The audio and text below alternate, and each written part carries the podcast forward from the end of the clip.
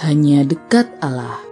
15 Mei 2021 Sanga Amsal 25 ayat 4 hingga 5 Sisihkanlah sanga dari perak maka keluarlah benda yang indah bagi pandai emas.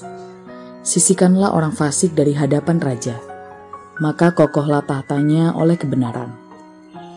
Dalam Kamus Besar Bahasa Indonesia Sanga adalah buih atau kotoran logam yang dilebur.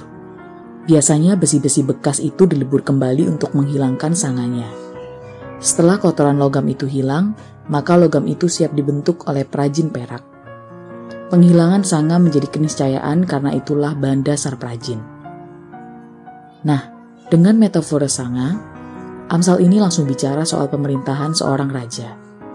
Dalam Alkitab BIMK tertera, Singkirkanlah penasihat-penasihat jahat dari istana. Barulah pemerintahan kukuh oleh keadilan. Raja memang penuh kuasa, namun dia sendiri manusia biasa yang bisa salah dalam mengatur kerajaan. Karena itu penasihat-penasihat raja haruslah orang-orang yang tulus, juga sepi pamrih. Tak hanya raja, setiap orang butuh penasihat. Bisa orang juga buku menjadi penting bagi setiap orang untuk memeriksa kembali para penasihatnya. Itulah salah satu upaya agar setiap keputusan kita sungguh seturut dengan kehendak Allah.